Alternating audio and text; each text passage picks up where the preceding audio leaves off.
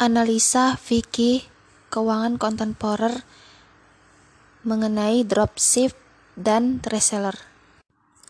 Yang pertama, dropshipper adalah pebisnis yang melakukan proses jual beli tanpa membeli barang dari grosir atau supplier yang dilakukan hanya promosi kepada orang yang menjadi prospeknya.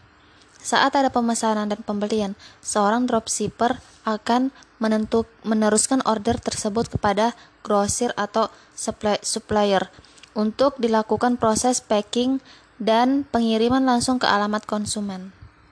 Skema dropshipping atau praktik lapangannya.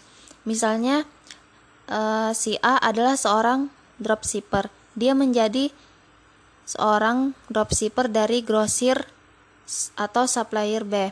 Supplier B. Setelah terjadi kesepakatan antara A dan si B, maka si A mulai melakukan promosi sesuai sesuai cara yang efek, yang efektif menurutnya dengan menggunakan foto produk dan keterangan singkat dari si supplier tersebut. Menurut Vicky bisnis, dropship dibolehkan dengan syarat produk dijual harus halal dan diketahui dengan jelas. Yang kedua memenuhi unsur ijab kobul atau sigot. Yang ketiga, akad yang digunakan antara dropshipper dan pemesan adalah jual beli tidak tunai di mana harga dibayarkan tunai dan barang dikirim kemudian seperti halnya antara reseller dan pembeli.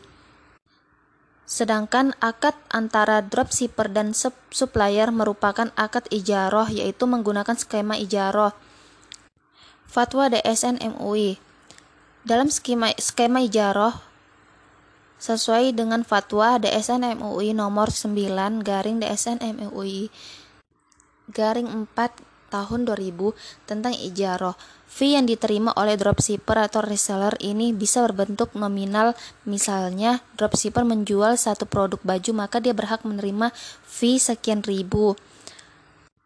Kemudian yang kedua itu ada reseller.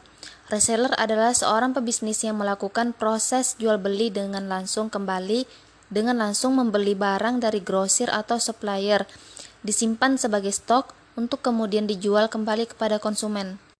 Skema praktik lapangan transaksi reseller yaitu misalnya si A adalah seorang reseller. Dia membeli barang kepada si B sebagai grosir supplier produknya.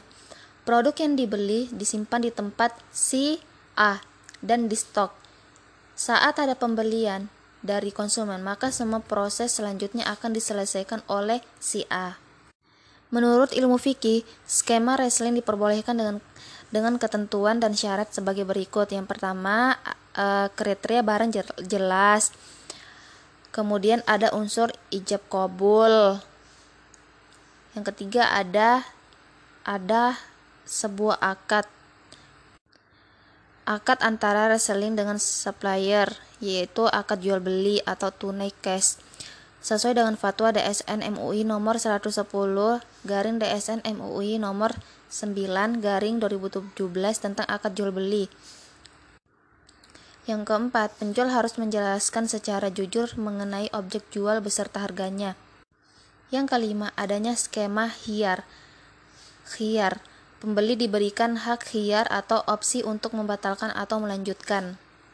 Jika barang yang dipesan atau diterima itu tidak sesuai dengan pesanan, pembeli bisa membatalkan jual beli dengan meminta ganti rugi atau melanjutkan jual beli dengan return.